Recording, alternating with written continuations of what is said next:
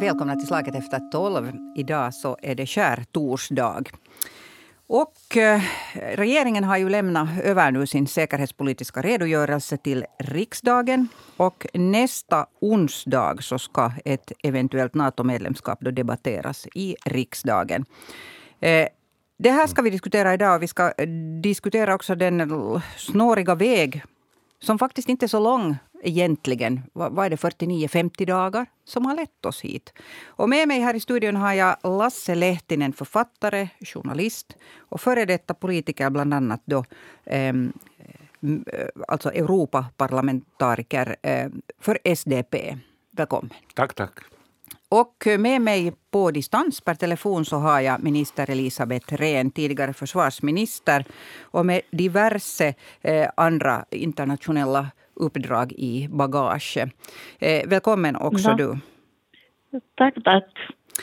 Jaha, skulle någon av er ha trott att eh, våren 2022 så diskuterar eh, vår riksdag och ska alltså debatterar det här att ska Finland gå med i Nato och gör det helt på allvar så här um, och så här intensivt. Skulle, skulle någon ha trott det om vi skulle ha frågat det här sig i december i fjol? Vad säger du Lasse Lehtinen? Jag har nog väntat på det här i 30 år. Men skulle du ha trott det? All, aldrig skulle jag ha trott att sen när det börjar hända så händer det så här snabbt. Men det är ju tack vare Putin mm. och hans galenskap. Vad säger du Elisabeth Rehn? No, jag skulle använda ett ord, äntligen. För det är ju det som, jag tror att de samma 30 åren gäller för mig också, som Lasse just här, här nämnde. Eh, det har varit en snårig tid och det har varit en, en jobbig tid. Men det är nu bara på det sättet att när någonting dramatiskt händer som öppnar ögonen för allesammans, att man glömmer bort kanske, eller sätter åt sidan sådana tidigare viktiga engagemang. Vem skulle inte gärna tala om en evig fred och att man aldrig skulle behöva eh, bry sig om någonting som har med militären att göra och arméer att göra. Men tyvärr är inte världen riktigt sån, har kanske aldrig riktigt varit heller. Och, och det tänder nu för allesammans. Jag måste säga att jag beundrar djupt till exempel statsministern inte jag alltid beundrat henne i allting som hon har gjort. Men hennes framträdande eh, uh, i går tillsammans med, med Sveriges statsminister visar nog en klar, fin ledarskapsprofil som satt väldigt viktigt i sammanhanget just nu. Eh, det, du är inte den enda om att säga det. Jag ser att svenskarna vill adoptera henne också. Så att, att det där, det ja. Mm. Svenska tidningar skriver om. Ja, jag diskuterade henne eh, med min nyss avlidne svärfar. Och, och han frågade att är hon intelligent. Och jag sa att hon är nog intelligent men att hon är mycket vänster. Det här hände för ett par år sedan. Och då sa jo. gubben att det botar sig med tiden. Men snabbt gick det också för henne. Det, det, var ju inte så länge sedan som hon sa att, att not on my watch eller att Finland kommer inte att ansöka om NATO-medlemskap så länge hon är statsminister. Jag kommer inte också exakt datum när hon sa det, men det var inte så länge sedan. Men det visar kanske också... Ja, tyvärr, ja berätta. Ja, tyvärr är det bara så som, som Lasse sa här just att, att det finns en orsak till allting och det är vår östra grannes eh, härskare som tydligen har förlorat alla, allt sinne för proportioner och, och överhuvudtaget mänsklighet. Eh, och det gör ju nog att, att ögonen öppnas på allesammans. Det betyder ju inte att man har, ger upp det vad man har haft en, vad ska vi kalla, vänster eller höger eller någonting. Men det här är ju en realitet som vi allesammans måste nu fejsa på bästa möjliga sätt. Och då är det, gäller ju ledarskapet. Och där har hon nog lyckats mycket, mycket fint. Men nu när jag har Lasse Lehtinen här som en, en socialdemokrat och, och visst väl alltid har varit det. Så inte har det här nu varit så lätt fråga för Socialdemokraterna. Nej. Mm. Och det är ännu svårare kanske för de svenska socialdemokraterna ja. som har uppenbart behövt Finlands och fin, finska Socialdemokraternas stöd i den här frågan. Mm. Men det är också hur de, de här två damerna har behärskat det här. Att, att sinsemellan säkert blivit övertygade av vad, vad vi ska göra, hur vi ska agera. Och nu den där, ännu den där gemensamma presskonferensen. Så det tyder ju på att det finns en ledarskap hos båda damerna. Och, och, och de kan prata sinsemellan. Och, och, och liksom just de har båda blivit realister men man ska ännu sälja det här de här åsikterna åt sina väljare, åt sitt parti. Och de tycks lyckas med det också. Mm. Elisabeth Rehn, vad tänker jag, du?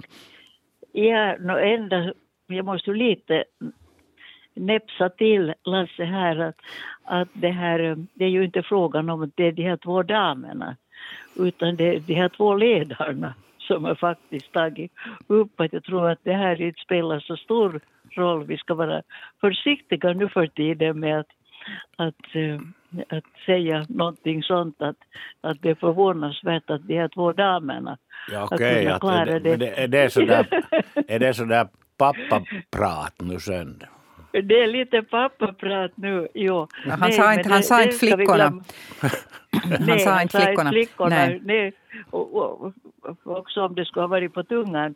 Nej, nu säger jag ofta själv också, till och med jag säger att flickorna om, för jag tycker att det är något så beundransvärt att mot alla odds så visar man en styrka där var många Många eh, manliga politiker har grubblat på saker i, i åratal. Det är klart att vi, har ju, vi ska ju inte förbigå presidenten heller som våndas med många bisatser som ibland gör det lite svårt att veta precis vad meningen var. Men att nu har han ju varit ett, ett verkligt eh, betydande och avgörande stöd i den här processen. Den har börjat nu. Inte ska vi ropa hej förrän vi är över bäcken. Eh, jag blir inte hemskrämd av Medvedevs eh, hotelser. Jag kan inte fatta riktigt det här eh, att skrämmas med Östersjön och att vi nu blir kärnvapensjö. När, när mig veterligt har de besuttit det här kärnvapen, kärnvapnen ganska länge, det här grannlandet. Jo, jo, alltså, du, du, du hänvisar nu till det som vi just hörde på, på nyheterna som har eh, kablat ut här under morgonen att Dmitrij Medvedev då har, har sagt att att eh, om Finland och Sverige ansluter sig till Nato så, så har han också då sagt att då kommer Ryssland att eh, gripa till åtgärder på Östersjöområdet. Eh, det är ju, alltså de här hoten är vi ju nu ganska ja. vana vid. Kanske. Ja, det är beundransvärt den här processens tidtabell här. Att mm. när vi NATO-anhängare så vi har ju varit lite oroliga för att det här tar tid, tar för mycket tid. Och de som har motsatt sig avtalet tycker att det ska gå, gå på för evigt, den här diskussionen om det. Men var det kejsar Augustus som sa festina lente, skynda långsamt. Mm. Och det här har nu både vår president och statsministern gjort utmärkt bra, att, att skynda långsamt. Men, men ju längre den här processen tar så ju mer får vi ju höra av grannlandet sen all möj, mm. allt möjligt hot och prat. Ja, och... Jag hoppas att nu när de har kommit igång eh, och så att det nu, den här vår del av processen nu skulle kunna gå ganska snabbt. Och jag hoppas ju där att vi inte blir försinkade av, av Sverige, för de tycks ha lite svårare nöt att knäcka än vad vi sist och slutligen nu har haft. Mm. Alltså, eh, nu är det tidtabellen då, jag nämnde det här i början, så, så den här försvarspolitiska eller säkerhetspolitiska redogörelsen är då lämnad och vi fick höra mycket om den igår vad, vad som de facto står i den. Och eh, folk tolkar den nu lite på olika sätt men de flesta tolkningar har nu ändå varit det att den är ganska klar eh, mellan raderna i alla fall. Att, att eh, den alltså pekar oss på den vägen att vi borde ansöka om medlemskap i Nato. Och denna ja. dag, sen när det händer, så citerar jag, citerar jag gärna den där ishockeytränaren som sa att den glider in. jo, vi kan alla sjunga med. ja. Nu, nu, här finns ju ändå en massa, massa eh, hinder på vägen. Alltså, det, det första nu, jag vet inte hur jag ska reda ut det här, men alltså, för det som nu lyssnar och funderar att vad är det som händer här under den här tiden, så det är ju också det som presidenten blev intervjuad igår på YLE. Och han, han sa att det som andra länder nu har kommenterat om det här, vår process, är det att, att det är väldigt bra att det är en så tydlig demokratisk process. Alltså det är inte så att någon eh, ensam bestämmer, president och, och utrikesministern och andra säger att okej, okay, nu söker vi. Att det funkar inte så i Finland. Utan det att, att det är en demokratisk process. Och det är ju därför det är så viktigt att ha den här redogörelsen som sen debatteras i riksdagen. Det är i alla fall det en vecka dit tills den här debatten ska äga rum. Är, är ni oroliga för att något händer på den här ena veckan här emellan? Man, man mm. önskar ju gärna att, att, att de har så mycket att sköta om där i Ukraina. Sovjets mm. armé och politiska ledning att de inte hinner med något, något värre. Sa, sa du Sovjet? Sa jag det? Du sa Sovjet. Okej, okay, men det är ju...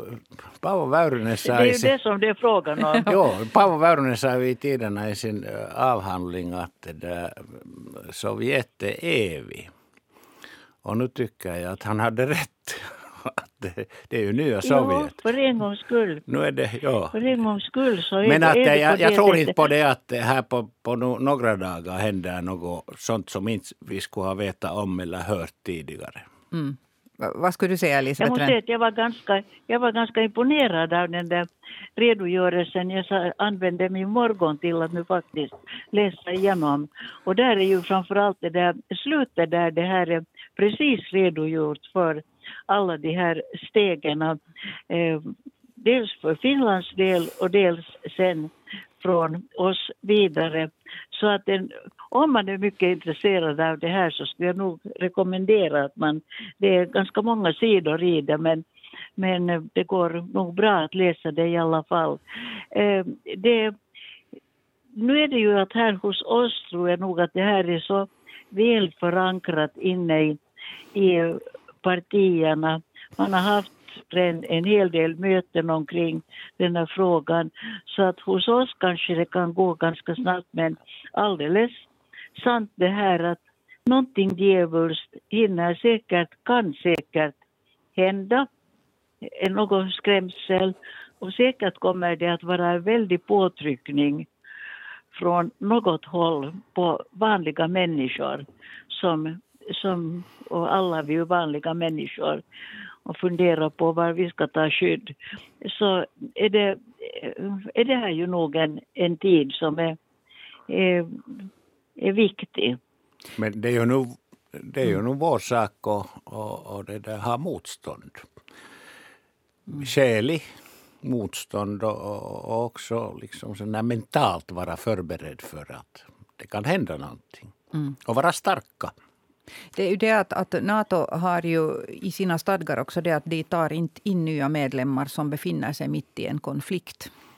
Och, och det som, som vissa har eh, uttryckt oro för är det att, att Ryssland skulle kunna vilja skapa en konflikt för att, att den här stadgan skulle användas.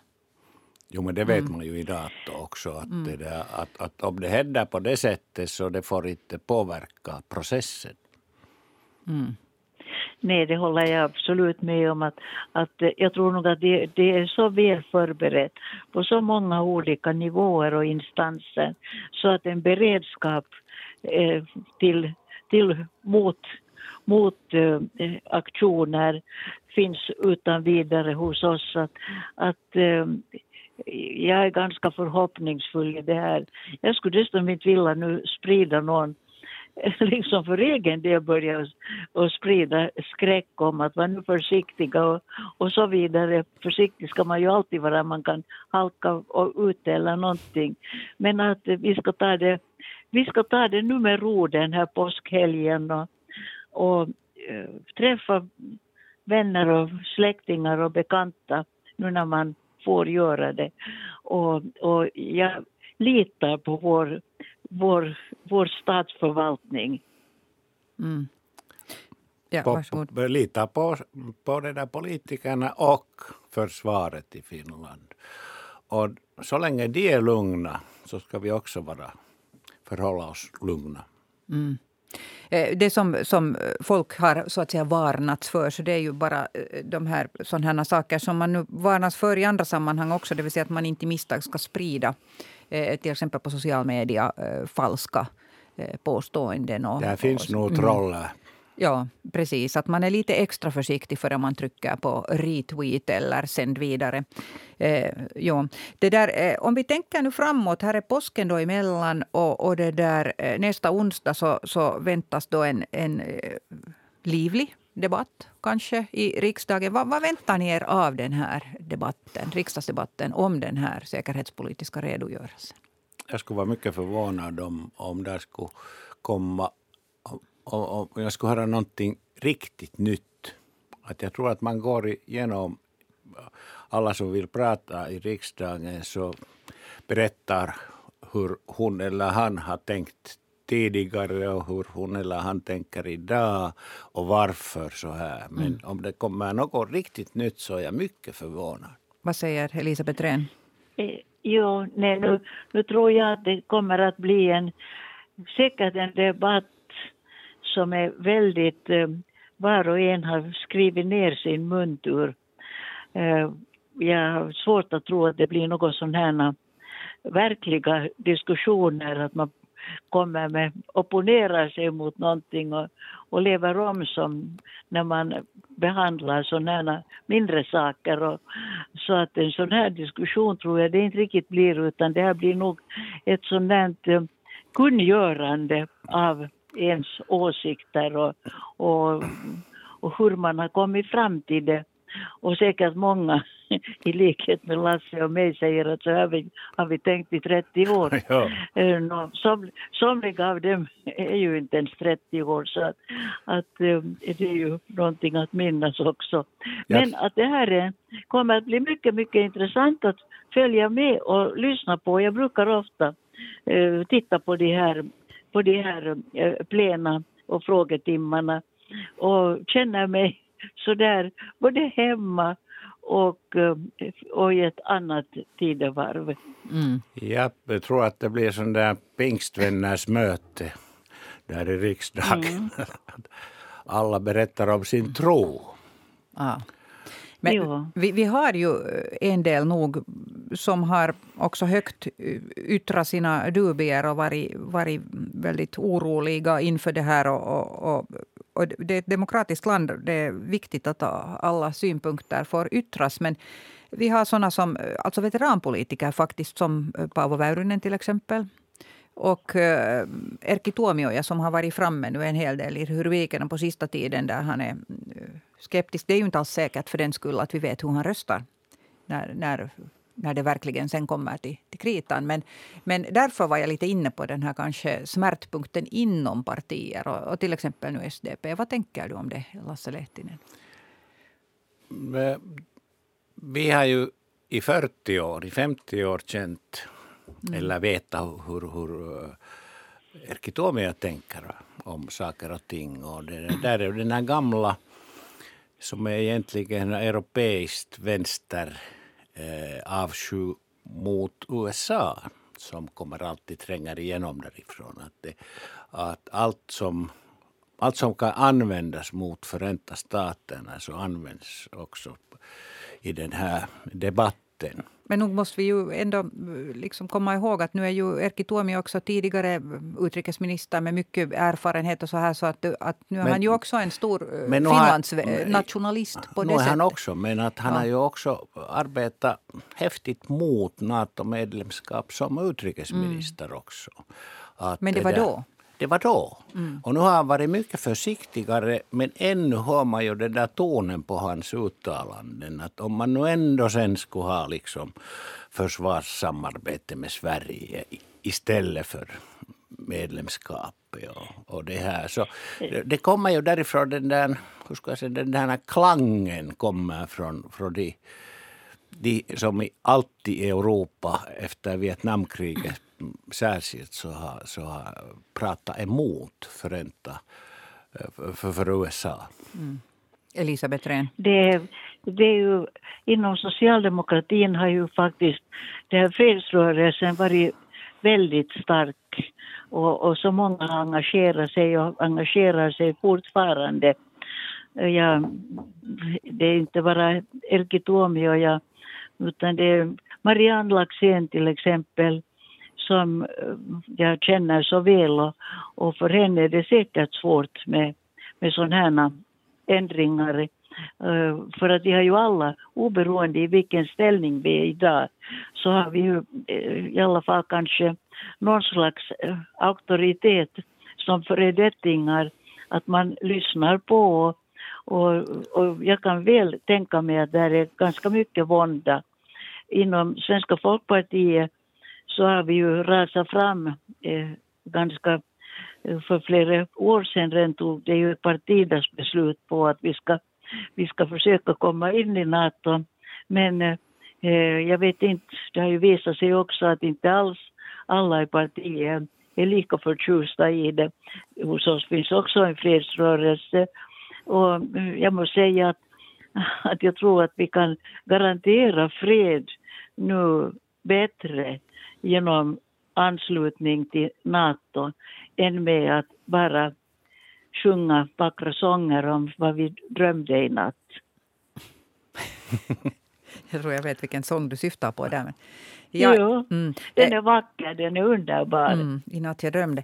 Det där är, jag tänkte här, det kom en, en precis just en, en ut, var det nu igår eller förrgår, rent av en undersökning där man har uh, granskat då, det är Magma som har granskat finlandssvenskarnas inställning till de här frågorna. Och det där, um, bland annat då inställningen till Nato. Det har visat sig att de här vanliga finlandssvenskarna som har blivit tillfrågade då, um, de är inte alls lika uh, pro-Nato som uh, om man tar hela landets befolkning som helhet. Så den senaste undersökningen, jag tror det var MTV som gjorde den, så var det rent av 68 procent. Och det var ganska omfattande med många tillfrågade som, är, som vill att vi ska gå med i Nato. Men när det gäller finlandssvenskar... Fem, så, 52. Ja, precis. Fem, ja. Hur förklarar ni det? Ja. Då är det ganska naturligt för att när finlandssvenskarna bor, bor på, här på, eh, i södra Finland och västra Finland vid kusten mycket så där har ju alltid varit en annan stämning. Som till exempel i, i norra Karelen och Savolax där man bor mycket närmare gränsen. Jag tycker det är helt naturligt. Okej, vad är din förklaring Elisabeth Rehn? Ja. No, det visar ju på att partiledningar och sånt inte alltid vet så bra om vad, vad folk tänker och hur de... Men å andra sidan om vi tittar på, på Österbotten så finns det ju väldigt många andra sådana eh, självständiga rörelser som är mot, lite mot för mig förståndigt som till exempel antivaccination och, och sådana här rörelser att man, man liksom har sitt och vill inte ha några myndighetsgrejer eh, över sig. Att, att eh, det, det är på det sättet helt förklarligt och, och inom socialdemokratin, jag menar det gäller inte bara Svenska folkpartiet utan svenska socialdemokrater så är det ju då samma sak med, med betänkligheter. Nu är det ju så att, att finlandssvenskar finns ju i alla partipolitiska grupperingar så att man ska inte heller glömma bort det. precis så som det finns ja. finsktalande. Mm. Men de här rör, små rörelserna, så det är ju det, det är den andan att, att man klarar sig med att dricka silvervatten. Jaha. jo, jo, kanske man gör det. Finns det någon förklaring där då att vi har till exempel eh, Österbotten som väldigt mycket ofta tittar på Sverige? i allt möjligt och läser svenska tidningar och, och följer med svensk media mera kanske än, än, än finsk. Ser ni någon förklaring i det, där? No. Ja, jag suckar. Jag, jag kan mm. inte komma med någon förklaring men jag vet att, att förstås vet jag ju att Österbotten många följer mera med till exempel svensk TV än med finsk TV. Mm. Och, och, så att där är klart att, att man följer ju också då mycket de tankar som, som då eh, speglas i, i, från folk i, på andra sidan den här viken. Eh, och, och vi ser ju nu att Sverige är väldigt tveksamt fortfarande till det här. Jag hoppas verkligen att... Trots att, att alltså, eh, medborgarna, medborgarna, måste jag bara inflika här, nog enligt gallupundersökningar är, väldigt för Nato i Sverige också. Och framförallt ifall Finland ja. söker också. Det var ju ett, eh, att det var väl under, under 50 procent åtminstone den senaste jag såg. Mm. Men långt över, det var 60 om, om Finland, Finland det, ja. också mm. söker. Ja. ja. Det är intressant att vi mitt i allt har blivit så här viktiga. Säga. Eller kanske vi alltid har varit det, bara vi har inte liksom själv kanske tänkt på det på det sättet. Men utom militären då eventuellt. Eh, det där, mm. ja, jo, där är ju det är ju lite i vår läggning att, att vi är ju väldigt arga över att, att bli utnämnda som år efter år efter världens lyckligaste land. Att vi förnekar med, med klor, klor och, och, och, tänder mot att inte är lyckliga. Och, och det, det är någonting i vår natur det här att vi, vi inte riktigt uh, förstår att uppskatta oss själva. Mm. Det där, eh, nu när vi tittar på, på det som, eh, som händer just nu så, så kriget alltså håller på att ta egentligen ny fart och det gäller i, alltså i östra Ukraina. Samtidigt så, så varje dag kommer det nya avslöjanden eller nya eh, nyheter ut om eh, enorma eh, förluster just med tanke alltså på civila som har avrättats, som har dött i de här striderna, svälts ihjäl någonstans för att de inte har fått, fått komma ut ur belägrade städer. Och, och en, en ryslig mängd med sexualbrott, eh, alltså grova våldtäkter. Inte bara vuxna kvinnor, utan små barn. Och, och sånt här, och nu kan jag ju när jag har Elisabeth Rehn med mig i den här sändningen. Det är ju precis det här, sånt här som du har forskat i, skrivit rapporter om. Och, och allt det. Hur, hur ser du på de här nyheterna med tanke på då att det här NATO-stödet då ökar och, och den här kopplingen här emellan? No, jag hoppas ju på att, att eh, NATO-länderna, de flesta NATO-länder har ju faktiskt, är ju medlemmar i internationella brottmålsdomstolen ICC. Mm. Eh, USA är ju inte. Eh, på grund av att de inte ville att, att andra domstolar dömer över amerikanska medborgare det är en lång historia. Jag var mm. nämligen sex år var jag ju uh, väldigt starkt kopplad med, med ICC så att jag känner ganska bra till med de här med krigsbrotten och annat. Och, och jag skulle säga att där finns nu väldigt klara de här våldtäkterna, anfallen mot, mot uh, sjukhus, Eh, till och med skolbyggnader och sånt. Det är alldeles klara Eh, brott mot mänskligheten. Men det här med genocide, med, med folkmord, som nu Biden eh, eh, sa det här för igår väl, sa att det här är nog en, en ett folkmord. Så det blir nog lite svårt att bevisa för, för det är ju inte folk på det sättet eh, att utrota som armenierna Turkiet och så vidare. Inte, inte som Srebrenica och bosniakerna. Eller Rwanda. Eh, eller Rwanda. Så att eh, det här är nog eh, annorlunda. Där har de nog svårt att komma med, med bevis. Men att annars finns det ju bevis i, i eh, väldigt mycket. Och det här är nog viktigt att här kan många säga att men herregud det tar ju många, många år före det, det blir några domar och, och någon ställs inför rätta och någon faktiskt hamnar i, i, i fängelse. Men det spelar ingen roll, för det är den där processen som är så viktig att ingen ska tro att den kommer undan någonsin med ett krigsbrott utan att det får påföljder någon gång.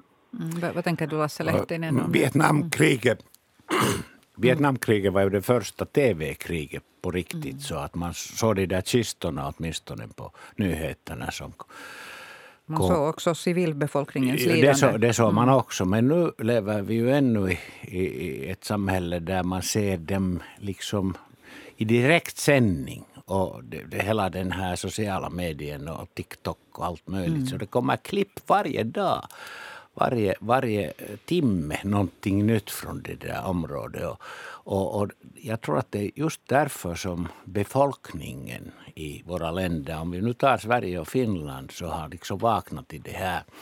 Som historikerna har vetat alltid att det är Rysslands sätt att kriga. Det är totalkrig. Och, och, och, och det, det har varit det i, i tusen år de har tagit efter Chingis Khans metoder att, att allt ska förstöras och man ska, man ska liksom skapa skräck hos befolkningen. Och då dödar man och, eh, och civila och våldtar kvinnor. Och, och rövar bort barn. Och rövar bort barn. Att det, det är ju det där sättet. Vi har bara velat glömma all, allt i, i, emellan det här. Men att det här är ju... Och, och de här nya medierna avslöjar det där så är så effektivt idag. Mm.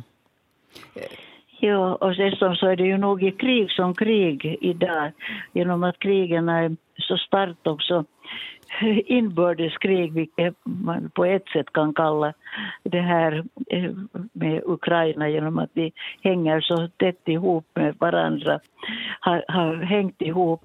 Så det här, eh, där är råheten är att det är liksom någonting som klickar till i människor när, när det blir det här kriget slår in, att man tappar allt förstånd, att man våldtar grannar, man, man slaktar släktingar, man gör de ohyggligaste saker som jag nu har sett i Afrika väldigt mycket av och som pågår fortfarande. Men det är bara små notiser om det här att så och så många tiotal uh, blev anfallna och, och, och det våldtagna i den och den byn. Eh, så att det här är nog människor, mänskliga naturen. Att om Nato kan hålla tillbaka de här krigen så tror jag nog att det är en väldigt viktig funktion också. Mm. Eh, jag tittade idag på morgonen på en intervju som, som finns att se på på nätet. Den, den här The Economist tidning eller publikationen som intervjuar Tony Blair. Har någon av er råkat se, se det här? Den publicerades tror jag igår kväll. Det är en, en sån där, vad är det, 25 minuter lång kanske intervju. Och där så tog den här intervjuaren upp det här um, det här med moral och, och berättigande i, i, och varför det är så svårt att, att, att, blanda sig i det här kriget också för väst. Och det har vi ju sett hela tiden att, att det, det är liksom omöjligt egentligen, säger, säger många uh, experter. Och eh, det där, um, Tony Blair fick frågan om, om det egentligen det som, som, som de gjorde med Irak då, när Tony Blair var också starkt för mm. att man skulle gå in i Irak i tiden och, och försöka störta då Saddam Hussein. Att om det på något sätt eh, anses nu hon menar inte intervjun att hon, hon anser det. Hon menar att det används som en sorts ursäkt för att vi kan också göra så här. Vi kan störta Zelensky, vi kan försöka liksom därför för att, att han är ju nazi. Att det, det är ju en nazibefolkning. Ja. Att de använder alltså samma, eh, det här Irakkriget som ett svepskäl eller ett skäl för att vi kan också göra så här, för att ni gjorde så där. Vad, vad tänker ni om, om sånt här resonerande? Allt används mm. då när det är krig. Allt används. Mm. Och, och ryssarna mm. gör det ju gärna. Pekar på att så här har man gjort i västvärlden också. Tony Blair försvarar sig i den här intervjun med att säga många gånger att, eller han säger att, att, hej, att det är en stor skillnad på att, att gå in och, och försöka eh, störta en eh, diktator som har använt eh, kemiska vapen på sin egen befolkning än att gå in i ett demokratiskt land som har en demokratiskt vald president. Det är så han försvarar ja. sig. Uh, va, ja, vad vill du säga, Elisabeth Rehn, om det här? Ja, jag, vet, jag vet inte riktigt om det här nu var... Eh, kanske, kanske han också urskuldar sig för någonting. Alla mm.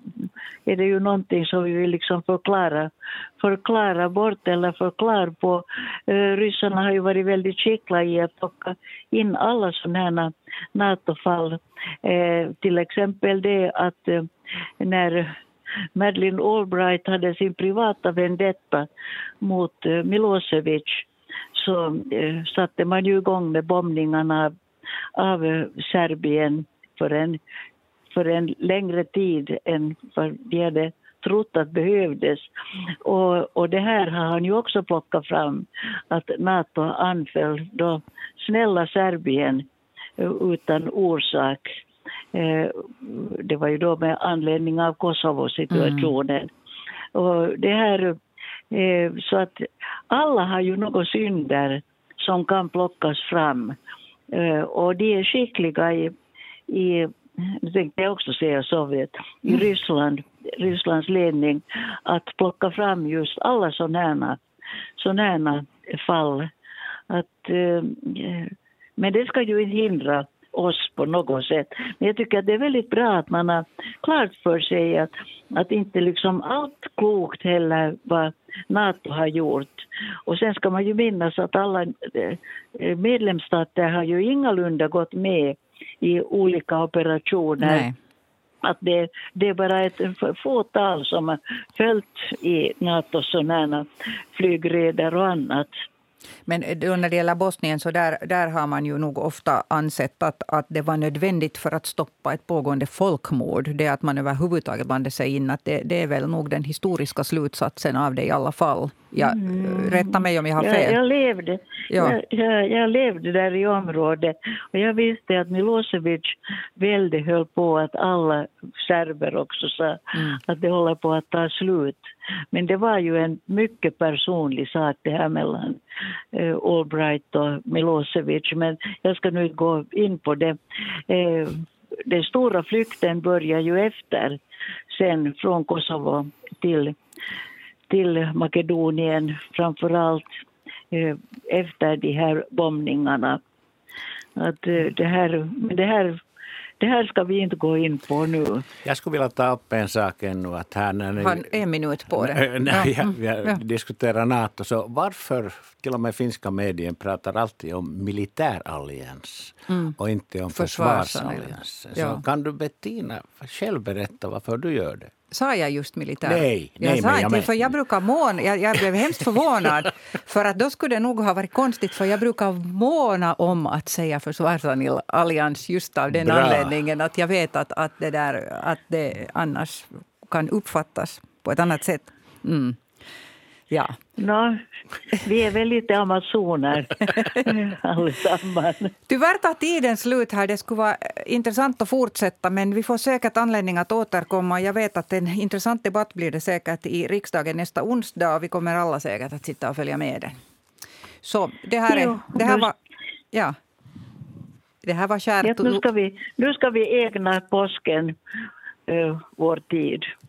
Det här var skärtorsdagens Slaget efter tolv. Vi återkommer på tisdag eh, nästa vecka med en ny debatt. Samma tid, samma kanal. Mitt namn är Bettina Sågbo. Mina gäster idag var Lasse Lehtinen och Elisabeth Rehn. Ha en riktigt skön påsk.